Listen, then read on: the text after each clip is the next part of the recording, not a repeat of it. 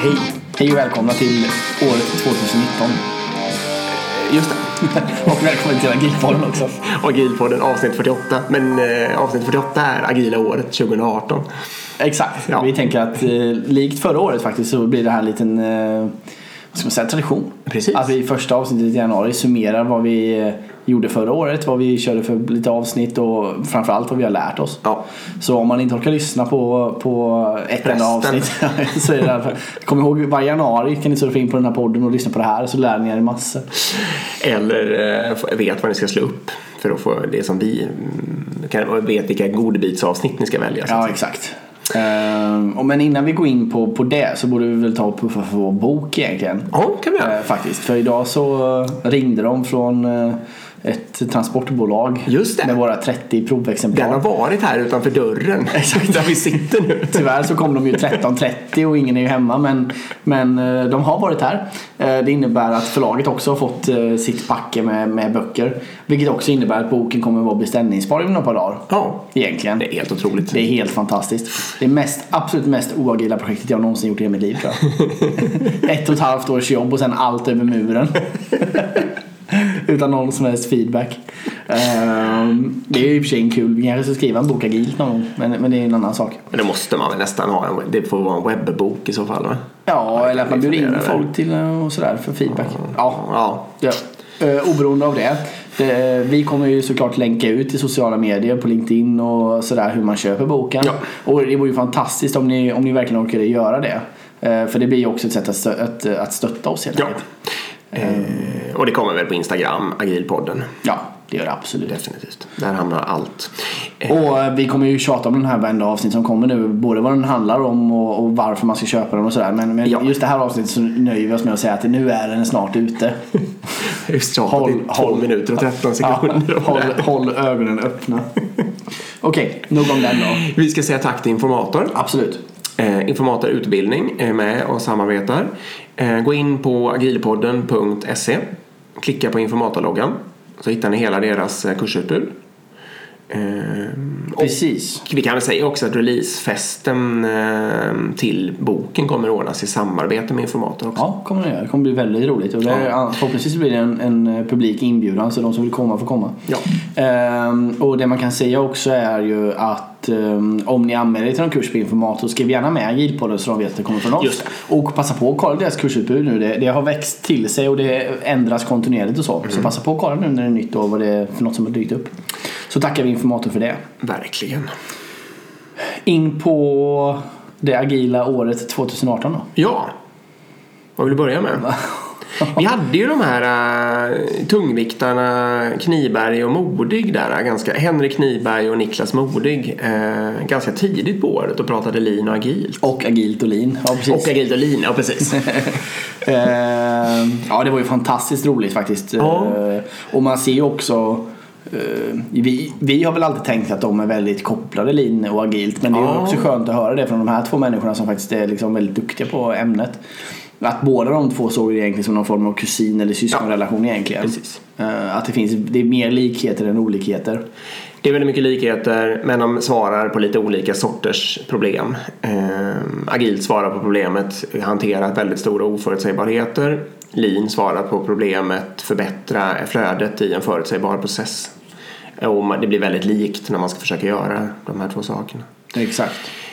Eh, och sen också någonting som jag tog med mig från, från eh, när vi träffade Kniberg. Det var ju verkligen det här med att eh, göra experiment. Och det är egentligen tanken bara att man, istället för att sitta och göra förstudier, sitta och göra långa eh, ja, projektplaner och allt vad det kan vara. Så kalla saker för experiment istället och sen gör någonting. Det kan vara allting från att en sprint gör en experimentsprint för att testa någonting eller för att faktiskt göra en ny produkt och kalla det experiment. Och just nyckeln att kalla det experiment gör att, att man slipper kanske de här klassiska beslutsvägarna och Ja. hur man brukar göra och istället får man faktiskt bara testa att göra någonting fort liksom. Egentligen är det väl en eh, otroligt smart metod för att runda någon slags governance-struktur. Exakt, det är precis det det är. Enkelt uttryckt. Och, och, och då, då får man ju helt plötsligt, för det man vill åt är ju egentligen att man vill man vill ju klippa ledtiden från idé till produktionssättning liksom. Och det här är ju ett ypperligt sätt att göra det. Ja. För, för ska man köra den i, som du säger då i en klassisk governance-modell så tar det ju ofta, det är ju enorma ledtider Ja. ofta. I stora bolag i alla fall. Ehm, så om ni har någon cool idé, någon ny idé, så här, kalla det för experiment, tidsätt det. En, en sprint, två Ja. sprintar, ett halvår, ett år, vad som helst. eh, Och bara kör igång liksom. Ofta så är det uppskattat också. Väldigt kraftfullt. Ja, så eh, det har jag faktiskt använt med, med framgång också i mitt, i mitt arbete. Ja, ja, du har varit väldigt, väldigt bra på det. Jag ska försöka plocka upp det också. Eh, värt att nämna är väl också att Knibergs stora engagemang för klimatet. Eh, väldigt kul och att han liksom använder sina gamla kunskaper nu till, eh, till att jobba med den, den, de frågorna. Exakt, och det kan vi ju puffa för igen. Den här Ja. Go Climate Neutral. Just det. Som är, du är med där? Ja, med. jag är det. Du klimatkompenserar ditt liv helt enkelt. Ja, precis. Jag har klickat i hur mycket jag flyger och åker bil och sådana där saker och betalar en slant varje månad. Eh, förskräckande lite faktiskt. Och sen så skapas det klimatprojekt i tredje världen eh, eller i utvecklingsländer eh, som kompenserar för min nuvarande livsstil. Ja, Förhoppningsvis så kommer det bli mycket dyrare på sikt när fler väljer att exakt. Men just nu är det extremt billigt. Ja. Så för guds skull gå in på goclimateneutral.org exakt. Eh, Och så kan ni fylla i där och kolla på det. Ja, precis. Jag såg faktiskt att Netlight som också är ett, ett avsnitt vi gjorde förra året. De gav i julklapp till alla sina eh, anställda, över tusen pers då, ett Ja. år klimatkompenserat via Go Climate Neutral. Ah. Ja, det var det fanns, lite fanns den kopplingen också. Var lite snyggt. Ja, okej. Eh, jag måste bara nämna också, eh, om ni, om ni vill tänka på något roligt så var det ju Niklas agila aerobics eh, pass. Ja, det var fantastiskt kul. Har ni lyssnat på det avsnittet så kan det vara värt Ja, det att göra det bara faktiskt där. rekommendera. Eh, Förlåt, inte agila, lean aerobics pass och det är ett bevis på att det går att använda till lite vad som helst. Sen var vi på Agila Sverige. Just det. det vill säga jag. Dick var där. Jag råkade dra till Gran Canaria med min familj. Eh, och vi råkade använda ett tal. Eh, så Dick fick ta det själv. Erik frågade här förut, eh, har du anmält dig till nästa år? Nej, men jag har anmält dig. Ja, exakt. och bokat en flygresa långt på Pakistan. Till dig själv. Hämnden blir ljuv. Nej. Nej, nej men du, du recapade så fint jag har faktiskt också kollat på en del Youtube-filmer därifrån för det går att hitta allt det här på Youtube. Just det. Eh, och det, det jag tar med mig det var ju ganska mycket fokus på arkitektur. Ja, och egentligen det det, här det. att man vill komma ifrån den här klassiska eh, Både att jobba med, med klassisk lösningsarkitektur och, och även att man ska göra någon form av powerpoint målarkitektur och så vidare. Ja. Som man ska försöka följa. Och istället att man måste se arkitektur som någonting som växer fram. Ja. Och att det är okej att ha en idé från början som man sen ändrar ut med produktens gång. Liksom. Ja. Eh, det, det känns som en, en väldigt bra approach. Verkligen. Det är inte sån här gammal fin arkitektur när man tänker ut allting i förväg. Det, det funkar ju givetvis inte i en agil värld. Det var ju en, en lärdom som jag tog med mig därifrån. Jag tror jag gick på tre sådana arkitekt med lite olika inriktning förstås. Men de kretsade ändå kring det. Och jag tror att jag valde en eller två av dem som dina favoriter när vi Ja, gjorde det favoritavsnittet. Ja, det stämmer. Eh, och det verkar ju ha funkat också med tanke på att det är det du pratar om. Ja. Ja. Ja, och sen så träffade jag ju Sabrina Romanov som pratade TIL där. Först eh, blixttal förstås då, men sen var jag även med på den eh, Open Space-sessionen. Och då frågade jag också henne om hon ville vara med här och det blev ju också ett avsnitt här. Så tyckte det var otroligt Det har intressant. vi fått väldigt mycket feedback på. Ja. Och vi kan väl säga det att vi, vi, vi håller på och letar efter fler TIL-case eh, inför kommande år. Eh, vi tycker det är otroligt spännande sätt att organisera sig på och det är jättespännande att höra olika företag. Så, och vi kan redan avslöja att vi har redan bokat också så det kommer komma mer på det här ämnet. Eh, Men, men TIL är egentligen då, om man inte har hört det begreppet innan så är det egentligen ett sätt att organisera sig utan chefer helt enkelt. Ja. Kan man säga. Men det- samtidigt någon slags metod för att undvika, det är ju inte demokrati och det är liksom inte Nej. konsensusfällan och sånt där utan man fortfarande liksom har en organisation som kan agera och är beslutsfähig och sådär. Exakt, men det är, det är ett annat sätt än att sätta upp en klassisk chefshierarkiorganisation. Kan man säga. Precis. Vi, den boken har vi precis köpt också så det kan hända att det kommer, vi kommer läsa den nu och så kanske det kommer ett sånt avsnitt också. Reinventing organizations. Just. Exakt. Den heter inte TIL. nej. Jag tog också med mig eh, att kulturen äter strategin till frukost. Och det var ganska roligt för sen, eh, där fastnade ju lite med, jag tänkte på det, sen skulle vi göra ett strategiarbete i den ledningsgruppen där jag, ja, min ledningsgrupp då, den som jag leder. Så började vi lite, men så kom, liksom kom jag på det på något sätt att är det här så jävla smart igen? Eller liksom, ja. Men då, det slutade liksom med, vi har ju fortfarande en strategi och så, men eh, strategins första sida är just det faktumet att kulturen äter eh, strategi till frukost och sen så är det, har vi gjort en jätteworkshop med hela min organisation det är ungefär 100 medarbetare då. Ehm, när vi har liksom gjort ett statement över vilken kultur vi vill ha och att det liksom är viktigare. Eller att vi, vi, vet att det är viktigare och att mm. Ehm, det kommer gå före strategin oavsett vad vi hittar på. Mm. Sen finns det en strategi vad det ska kosta, hur många vi ska vara och hur vi ska utveckla och sådana där mm. saker. Liksom. Men eh, och det, och det, eh, det kan man ju ha. Fast för att kultur äter då strategi till frukost innebär ju inte att man ska hoppa över strategi. Nej, Men man exakt. måste vara väldigt medveten om kulturbiten och att den har mycket större påverkan. Liksom. Det är och det som är själva Medvetet odla den kulturen som man vill ha liksom, långsiktigt. Precis. Eh, precis. Och det tog jag verkligen med mig från Agila Sverige. Ja, det har du också genomfört. Så det är ju ja, använt mig av det i alla fall. Ja, precis. Ja, och en annan grej som, som vi faktiskt har genomfört det är också mobbprogrammering. Eh, vi hade ju självaste Woody eh, Just här som är då grundare både till No Estimates och mobbprogrammering mm. egentligen från mm. USA. Eh, det var otroligt spännande tycker jag att träffa mm. honom. Woody eh, Soul. Exakt. Och eh, jag kan också säga att mobbprogrammering funkar jätte, jättebra i utvecklingsteam för att liksom sprida kunskap och för att det är roligt och även för att få upp effektivitet och för att lära upp nya och det, det har väldigt många sådana effekter. Ja. Men jag har också testat att köra mobbprogrammering faktiskt utanför utvecklingsteam. Ja. Till exempel då i min ledningsgrupp när vi gjort budgetarbete. Ja. Så är det så här klassiskt ganska stort arbete som ska göras två gånger om året. Mm. Det har vi gjort i, i mobbform. Jag har även skrivit en tidningsartikel i mobbform. Mm. Ehm, och eh, har även testat att göra andra mer sådana administrativa uppgifter i mobbform. Mm. Eh, och det är faktiskt extremt roligt att, att jobba så även med eh, ja, icke-utvecklande liksom, eh, uppgifter. Och en annan stor fördel med mobb är ju att jag har också kunnat sitta med utvecklingsteamet flera dagar och, och faktiskt koda.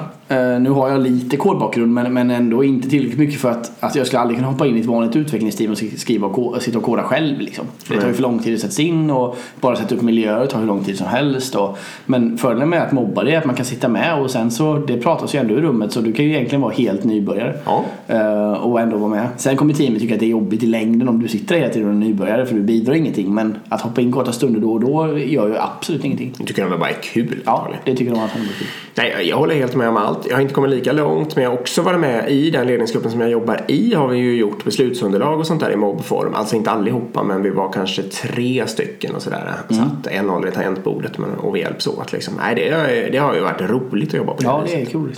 Verkligen. Uh, ja, Safe får vi nästan ta och säga något om. Ja. Är det, is it safe to go safe? Safe with safe.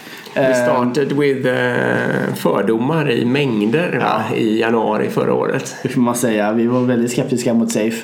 Um, men vi hade ju med Karl Starendal där. Uh, som faktiskt jobbar på Safe. Uh, en, en, av de personerna, eller den enda personen utanför USA som jobbar mm. på det. Som det är svensk.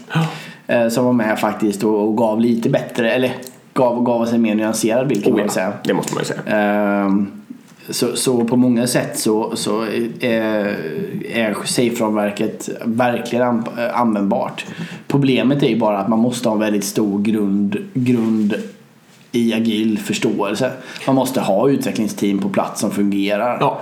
Uh, och sen när man har fler, massa utvecklingsteam som levererar samma typ av produkt och man börjar få skalningssvårigheter, då kan man applicera safe. Ja. Eh, att applicera SAFE som ett sätt att införa agila metoder, det är bara dåligt.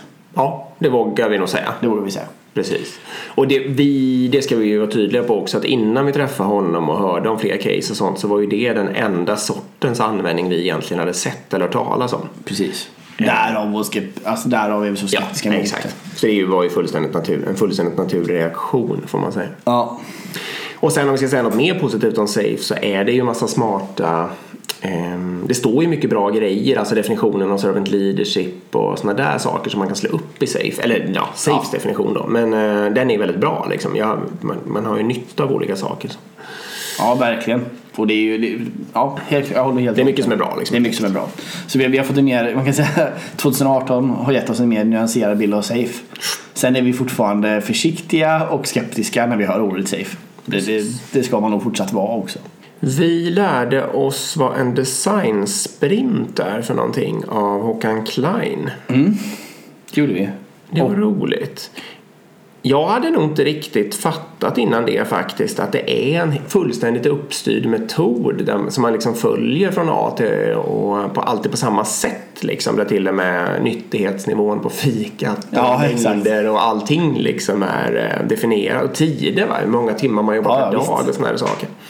Det var Ja. väldigt, väldigt detaljerat. Ehm, Men också väldigt, väldigt coolt. Ja. Väldigt, väldigt coolt sätt att göra återigen något annorlunda på istället för att göra de här klassiska förstudierna Ja. och få commitment från början och verkligen hitta en bra lösning för direkt och sådär. Eh, Det är någonting jag, vi också, jag, jag i mitt arbete flera gånger nu. Och det företaget där vi jobbar har det ju blivit faktiskt, eh, jag ska inte säga att det har blivit vanligt, men det har, blivit enormt, det har växt enormt mycket. Från någon enstaka här och där så efterfrågas det helt plötsligt eh, i ganska stor omfattning. Precis, och det är organiserat på ett helt annat sätt. Ja. Och det är stor brist på sådana som coachar, i, alltså som liksom klarar av att hålla en design Ja, också. Det är också ett positivt tecken, eller vad man ska kalla det. ja, precis. Nej, så är det verkligen. Precis. Om vi ska gå vidare till sådana här andra saker som jag kanske inte som jag hade missuppfattat tidigare i mitt liv så är Lean Startup. Eller missuppfattat och missuppfattat men jag visste inte vad det var på något. Liksom, vem som helst som hör orden kan ju skapa sin egen bild och det är ju väl faran med att kalla något för en sån sak som Lean Startup. Ehm, men vi hade med oss Marcus Kristensson som pratade om det. Och det, min take på det är ju, om jag ska sammanfatta det i bara någon mening så är det ju liksom att sök minsta möjliga experiment som, som gör att du kan få reda på om eh, det är en framkomlig väg eller om det finns ett intresse eller något sånt där för din idé. Och det mest kända exemplet i världen är väl antagligen Dropbox. Och då gjorde de ju inte ens, det var ju ingen prototyp eller någonting utan det var bara en webbsida där det stod om den här grejen fanns, skulle du då använda den eller något sånt där eller Ja, signa dig liksom. Exakt, signa upp det och sen så såg de, de fick ju helt horribelt många... Lavinartad mängd ja. Och då kunde man vara ganska säker på att det här är nog en grej vi ska utveckla. Jag, jag, vidare. tror det var någon YouTube-film eller någon GIF-bild som visade liksom att ja, så här skulle man kunna lägga sina filer i molnet och komma åt och förhandla sin enhet och sådär. Är nog inte ens molnet på den tiden. Nej. Ja, kanske. Kanske. Men eh, ja, nej, det var ju väldigt spännande. Och Lean Startup också just det här att man faktiskt kan använda det fast man har en mogen produkt bara för att ta nästa steg. Liksom. Ja. Det, är inte, det är inte för att när man, det, startup får ju låta det som att det måste vara en ny idé eller något nytt. Liksom. Men det kan, man kan använda det i en, i en befintlig utvecklingsprocess också. Du kan testa vad som helst egentligen. Ja, faktiskt. Försöker komma på, jag tänker på det lite då och då med jämna mellanrum. Jag tänker mycket på det så här just i fråga om att jag inte får lägga, jag får inte bli några stora utredningar innan jag vet om jag är på rätt spår liksom. Jag kommer inte på några bra exempel just nu. Ja, jag kan återkomma till det om det dyker upp något. Mm. Ehm, ja, vad ska vi ta nu då? Ska vi ta agila Spotify kanske?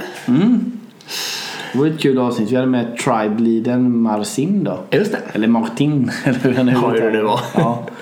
Ehm, Största takes på det tror jag kanske kretsar kring psychological safety.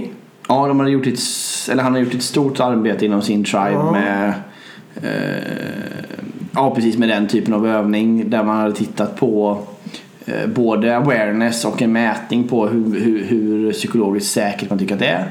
Och sen så hade man eh, gjort massor med övningar för att öka det helt enkelt. Ja. Och fått väldigt coola effekter av det. Ja. Och sen så pratade vi också om det här klassiska hur är man organiserad på Spotify och gick igenom den här klassiska Kniberg, Kniberg-bilden på hur man ska jobba eller hur de jobbar. Ja. Ehm, och sen också eh, den här ännu mer klassiska eh, och det har vi säkert tjatat sönder idag men, men det här med att folk kopierar då squad och tribe och all, alla deras termer egentligen ehm, på, ett, på ett väldigt felaktigt sätt egentligen. Ehm, vi får väl ta en snabb recap på den men det är just att de valde ju de namnen på grund av att det inte fanns någon referens till de namnen. Precis. Det var helt nya ord Ja. och det innebar att okej nu jobbar jag helt plötsligt i en tribe. Jag har ingen aning om vad det innebär och då kunde man sätta helt nya ramar för Ja. vad det innebär att jobba i en tribe. Och bygga, eller låta det växa fram liksom. Exakt. Och om man däremot hade sagt nu ska du jobba i en grupp eller i en sektion så hade liksom folk haft med sig en bild av Ja. hur det är att jobba i en sektion eller i en grupp. Och det är det som är lite det komiska med att om, om, om man ska kopiera Spotify, om du har haft en organisation här nu, Ja. då skulle vi ju kalla team för typ crew. Nej, inte ens det. Vi skulle hitta på något ord som inte fanns liksom. Ja, kanske. Om med typ, Skrumf. ja men typ skrumf skulle vi kalla det för. Ja. Ehm, Men problemet är att folk gör ju inte så. Folk tar ju kallar det för squad och tribe. Ja. Även på andra Ja, företag. de- I värsta fall så döper de om sina befintliga grejer bara helt enkelt. exakt. Och sen säger de att de är agila. Och så har man tänkt att man har kopierat Spotify. Vilket är, det är liksom så fundamentalt feluppfattat. Ja, jag vet va- aldrig om jag ska skratta eller gråta Nej. när det händer. Ja, det och det är viktigt att vi tjatar om det här för det här får inte fortsätta. Nej, lite så. Och jag, alltså jag såg senast idag eh, Ja. någon på LinkedIn. Jo, hela tiden. Jag tror det var Telenor eller något sånt där. Det var en tribe lead. Ja. Någon som hade det jobbet på Telenor. Liksom det, det är helt bisarrt att det... det eh, ja, det, det, det där får ni tänka om. Sen, sen finns det kanske Ja, vissa företag som har gjort det med, med, på rätt anledning och så men... men Jag besökte ju en, en telekom, det var inte Telenor, jag besökte en annan telekom i Kista där en kompis jobbar och pratade, hade ett kort föredrag bara. De hade gjort likadant. ja, du ser. Också, mm. Ja, men det, det, är, det är vansinnigt vanligt alltså. Det, och det kommer överallt. Ehm, och det, det, det man får säga till er nog, ni, ni gör precis tvärtom. Ni kopierar inte Spotify. Ni, ni, ni gör precis tvärtom va? Exakt. Om man vill spetsa det, vem var det? Det var ju någon smart människa som sa det här att det det är ju som att titta på någon, tycka att personen har snygga kläder eh, och sen bara gå och köpa exakt samma kläder, exakt samma storlek och försöka sätta dem på sig själv och tro att man får samma resultat. Liksom. Ungefär så är det. Då har man inte riktigt fattat. Nej. Vill man kopiera något så ska man fråga personen hur den tänkte när den valde kläder eller något sånt där. Exakt. Vad baserar du dina val på och sådär. ja. Mm. Eh, precis. Eh, men vad var det som sa det? Det kommer inte du heller ihåg kanske?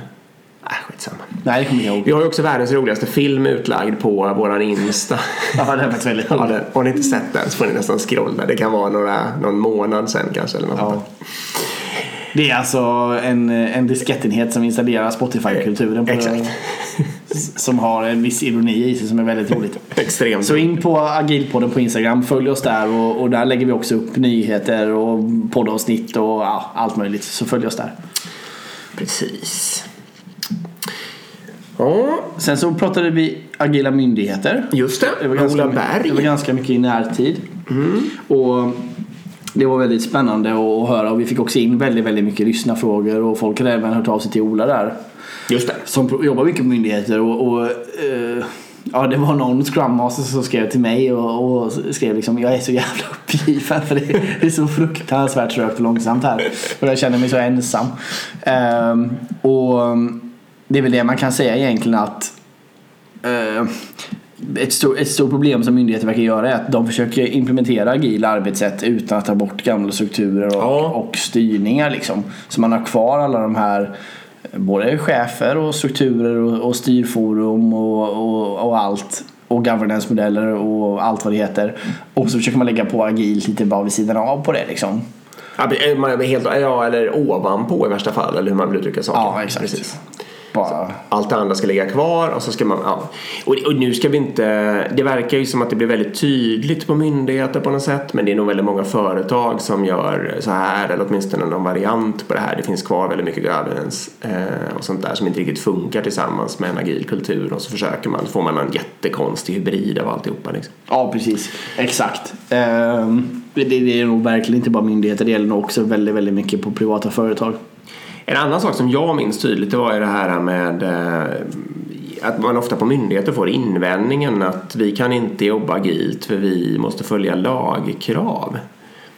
Eh, och då är det direkt två saker som man kan inse och det ena är att eh, privata företag följer också lagen. och eh, så att säga, och det, och det är väl inte, alltså även de, alltså Klarna eller något sånt där som är riktigt agilt eh, försöker ju givetvis att vara compliant, liksom hålla sig till svensk lag och lag i alla länder där man finns. Eh, och det andra är att om man nu har, eh, alltså snabbt ska uppfylla olika nya lagar som myndigheterna skapar och sånt där som myndigheter kan, eller som staten ofta skapar, eh, som myndigheterna ofta ska göra, då kan det ju till och med agilt vara en extrem tillgång för att kunna möta lagkrav liksom, som man annars inte skulle klara av. Ja, verkligen. Tyckte jag var en rolig Nej, absolut inte tänkt på innan Ola pratade. Nej, han sa väl till mig att det är bullshit att skylla på det liksom. Ja, verkligen. verkligen. Då gömmer man ju sig Ja. bakom någonting. Liksom. Så han sa rakt ut. Ja, Sen hade vi Marcus och pratade Kanban också. Det, det. det, tyckte jag var väldigt, väldigt intressant. Och speciellt de här fyra principerna bakom. Kommer du ihåg dem? jag ska se om jag klarar det här nu då. Vi repeterade faktiskt lite innan. Eh, börja där du är. Eh, Så man alltså, absolut inte ska försöka förändra något för, för, för, från dag ett när man inför kanban då så att säga. Visualisera är princip nummer två. Eh, begränsa mängden pågående arbete är princip nummer tre. Eller inför VIP-limiter då om man är mer van att tänka på det på det sättet. Ja.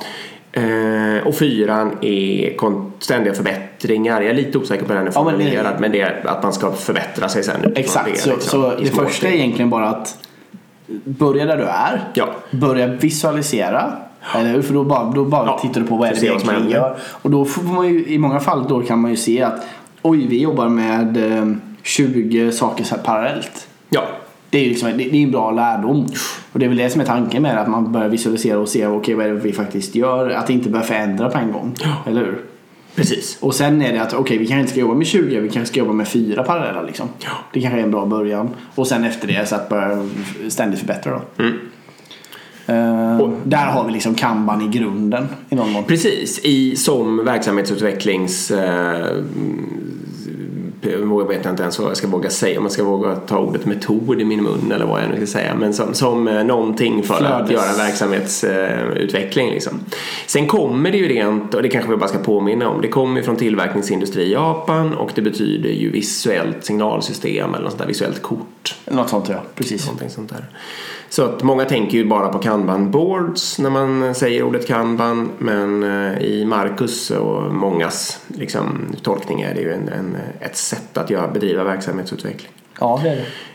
Och vi får påminna också om sjukhuset. Det, det, det var ju hans grej liksom, hans, eller en av de främsta grejerna han har gjort. Han jobbade på ett sjukhus på Indonesien och det var nästan konkursmässigt när han började och han var egentligen bara någon slags rådgivare och då använde han ju kanban för att vända hela det där till en eh, väldigt framgångsrik verksamhet. Exakt. Det är otroligt Superkul. häftigt. Ja. Otroligt häftig historia också. Om ni inte lyssnar på det avsnittet så, så kan vi rekommendera det faktiskt. Ja, och, och eller läs boken då ja exakt. skrivit. Verkligen gör det. Eh, ja, precis. Det var året 2018 kan man säga. Vi har ju haft mycket mer eh, avsnitt och vi har varit ute och föreläst. Och, Ja. Så vi, vi har ju lärt oss väldigt mycket mer än så här. Men, men det här var väl godbiten om man säger så. Best off liksom. På något sätt. På något sätt. Eh, vi kan också ha glömt någonting. Så, men men i, i någon form av, i någon generell grej så är det best Ja. off. Ehm, och sen så har vi väl ändå någon form av summerande lärdom. Ja precis, uh. vad har trillat ner i oss? Exakt, oberoende av avsnitt och så nu. Liksom, Ja. vad, vad har du som person lärt dig under förra året? I mitt fall så tror jag att jag på något sätt, det är en sån här sak som alla, skulle, som alla kan i teorin men det har trillat ner lite djupare i min själ på något sätt och det är att, eh, att få med verksamheten och på riktigt få jobba med hela end-to-end-flödet. Eh, alltså jag, det är ju så himla självklart när man säger det så nästan är löjligt men jag har väl liksom ändå gått på den minan att det är så himla mycket lättare att göra saker i egen organisation. Och end-to-end-flödet är ju sällan bara egen organisation. Det beror ju på hur det ser ut i och för sig men i mitt fall är det absolut inte det. Eh, och jag ska inte säga att det är meningslöst men det är liksom dumt att optimera egen organisation särskilt mycket om man inte har med hela flödet. Man måste liksom istället slita med att få med sig eh, de andra delarna. Och det har jag väl ändå kraftfullare på något vis lärt mig under året av liksom olika saker jag har hört men förstås också mina egna erfarenheter. Vad är din eh, summerande starka insikt? Min, min, eh, det, är lite mer business agility, alltså verksamhetsagilitet i någon mån. Mm, jag tänker att på många ställen nu så har liksom IT eh, kommit ikapp om man ska säga. Alltså, vi har kommit ganska långt med att Ja. ha agila team, man har en produktägare och det rullar på och så vidare. Men nu måste man göra om hela affärs... Det är ju lite samma som du pratar om med end-to-end-ansvar egentligen. Ja. Att man får med affärsutvecklingsbiten också i det agila tänket. Ja. Och fast hur mycket man än optimerar utvecklingsteam så om inte eh, surroundings alltså, och de omgivande faktorerna också angriper ett agilt arbetssätt så eh, så spelar inte de där optimeringarna så stor roll längre. Liksom. Nej, det är lite samma liknande spaning som jag har. Eh, Utan man får ju en väldigt, om man vill ha den riktigt stora effekten så måste man ju få ja, end-to-end eller helheten att, Ja. att ställa om egentligen. Eh, Så jag har läst in mig väldigt mycket på business agility och vad man ska jobba med där både för att kunna vara mer agil utifrån att affärsmodeller också ändras snabbare. Eh, Ja. För det är en trend som vi kan se. Eh, Och också hur man skulle sätta upp en sån typ av organisation.